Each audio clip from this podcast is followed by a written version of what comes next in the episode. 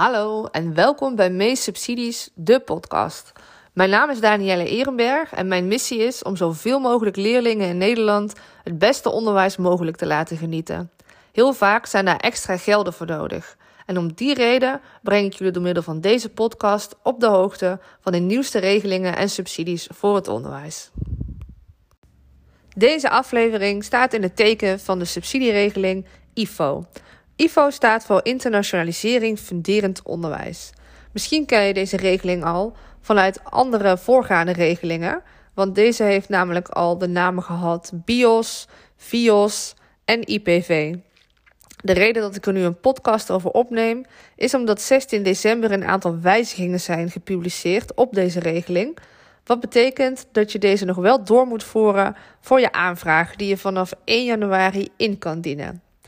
Mocht je nou nog nooit van deze regeling gehoord hebben, neem ik je eerst even mee door het doel van de regeling en de voorwaarden. En daarna zal ik ingaan op de wijzigingen. Nou, deze regeling, zoals ik net al zei, gaat over internationalisering. En het doel is om uh, internationalisering echt duurzaam te integreren in je schoolbeleid.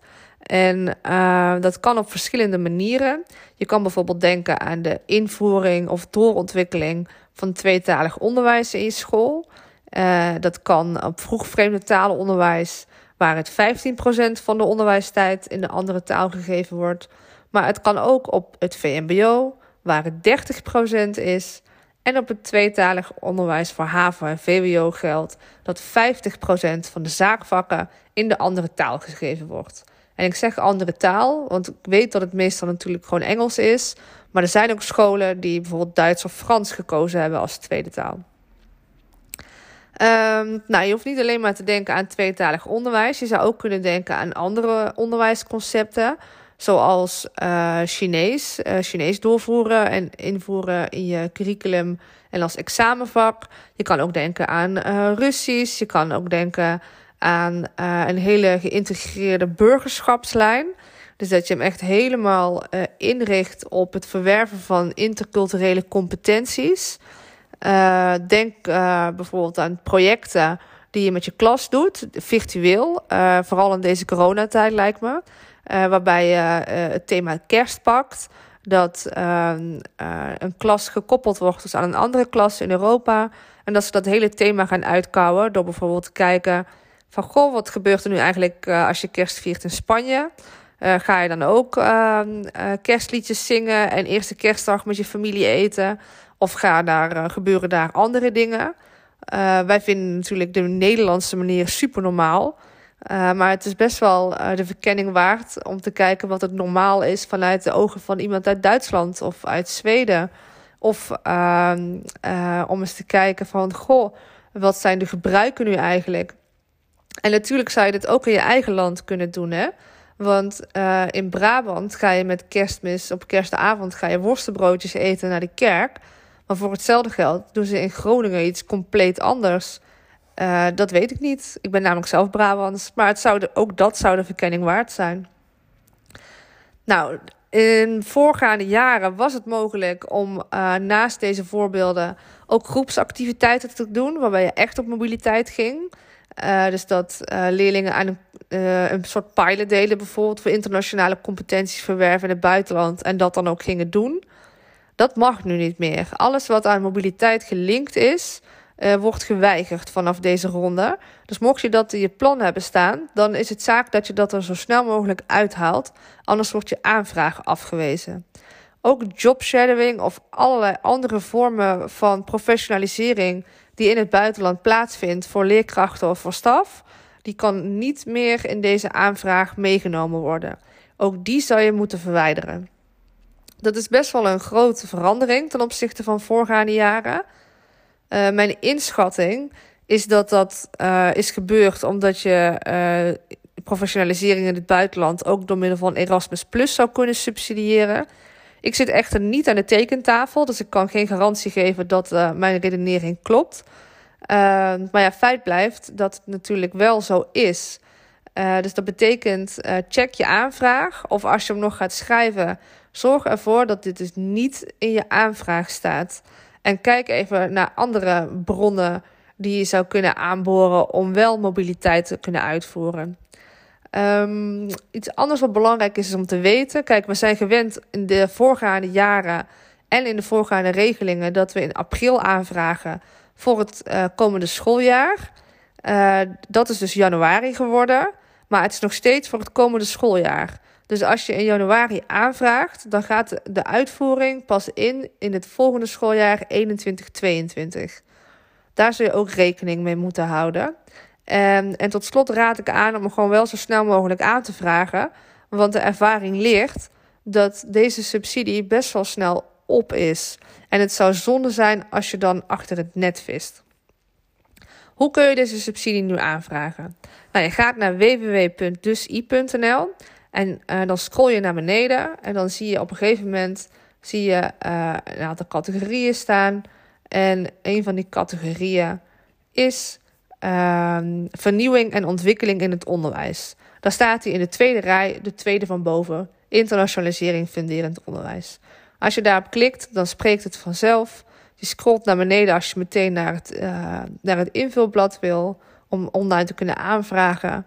En anders dan kun je nog eens een keer op je gemak de voorwaarden daar nalezen. Misschien ben je ook wel nieuwsgierig van ja, goh, hartstikke leuk en aardig, al die uh, regelingen en wijzigingen. Maar hoeveel kan ik nu eigenlijk aanvragen? Nou, wat je kan aanvragen is als je een primair onderwijsinstelling bent, is 5000 euro per locatie. Uh, met een maximum tot 20.000 voor een schoolbestuur tot 10 instellingen. Uh, het is natuurlijk wel zaak en zo aardig voor je collega's scholen als je eerst even met elkaar gaat bekijken wie wat nodig heeft. Want stel jullie hebben allemaal, alle, alle locaties die bij je bevoegd gezag horen, hebben deze subsidie nodig. Dan moet je die 20.000 onderling verdelen en kun je niet uitgaan van 5.000 uh, voor je eigen locatie. Ook is het handig om te weten dat hier geen cofinanciering bij zit. Dus die 5000 is gewoon de begroting die je op gaat geven. Ben je nu een instelling voor het voortgezet onderwijs of bij een AOC, dan heb je, uh, kun je rekenen op 10.000 per instelling. Maar ook daar is het zo, tot een bevoegd gezag met tot 10 instellingen heb je 20.000 max. Dus ben je meer dan twee instellingen, ga dan even met elkaar om tafel om te zien wie wat nodig heeft. Zeg je ja, maar mijn bestuur of bevoegd gezag, wat, wat je fijner vindt om te gebruiken qua terminologie, is groter dan 10 instellingen. Dan, heb je, uh, dan kun je 30.000 aanvragen. Uh, maar ja, ook daar zul je dan echt even met elkaar moeten gaan uh, overleggen wat je zou kunnen doen. nou, zoals ik al zei, je zou natuurlijk internationaliserende onderwijsconcepten kunnen gaan doorontwikkelen of invoeren, et cetera. Maar je kan ook denken aan gastlessen. Of misschien heb je wel materialen nodig uh, voor het invoeren van die concepten. Of misschien heb je wel hele gave ideeën voor internationale projecten. Er is één school die ik ken, die heeft een onwijs tof project om wat voor het hele leerjaar wordt ingevoerd, of is al ingevoerd, waarbij ze hun eigen land gaan stichten. En dan worden de subgroepjes gevormd. En de ene gaat zich druk maken over de cultuur. En de ander gaat zich druk maken over juridische kwesties. En de ander gaat uh, zich druk maken over uh, hoe zorgen we ervoor uh, de handhaving. En hoe, hoe zorgen we ervoor dat we met elkaar een goede samenleving hebben. En al deze ehm, aspecten van een samenleving en hoe dat dan tot stand komt. En de discussies vooral die dat oplevert, die delen ze met elkaar. Nou ja, daar hebben ze materialen voor nodig. En daar hebben ze bijvoorbeeld een klein gedeelte van deze subsidie voor aangewend. Want het gaat dan natuurlijk uh, niet om mega veel materiaal. Maar wel gewoon om een paar honderd euro aan materiaal wat je kwijt bent om het uit te kunnen voeren. Ja, dat zijn ook dingen die je van deze subsidie zou kunnen betalen. Of je zou uh, spannende gastlessen kunnen uh, introduceren op het gebied van kansengelijkheid. Zo hebben ze uh, Ilias El Hadoui, ik spreek zijn naam volgens mij niet altijd even goed uit. Maar uh, hij is echt de man als het gaat over kansengelijkheid in het onderwijs. En hij kan er ook heel inspirerend over vertellen. Nou, dat kun je voor je leerlingen laten doen, maar ook voor je docententeam. Dat zijn ook, dat zijn ook activiteiten die hierbij horen. Want stel nou dat je op die manier jouw hele docententeam met de neuzen de, de, de, rechterkant, wou ik zeggen, maar ik bedoel natuurlijk dezelfde kant op krijgt. Dan kan het echt van meerwaarde zijn om internationalisering goed te laten landen in je school. Of om een werkgroep op te richten die ervoor zorgt dat uh, professionalisering dan wel binnen of dan wel buitenland, maar vooral een plek krijgt in het beleid. En dat laten landen in het beleid, die uren van deze mensen, die zou je ook in deze, uh, tenminste als het extra uren zijn natuurlijk, hè, uh, in deze, uit deze subsidie kunnen bekostigen. Nou de keuze is, is reuze. Je kunt nog steeds heel veel kanten op met deze subsidie. Uh, maar denk er vooral aan het doel.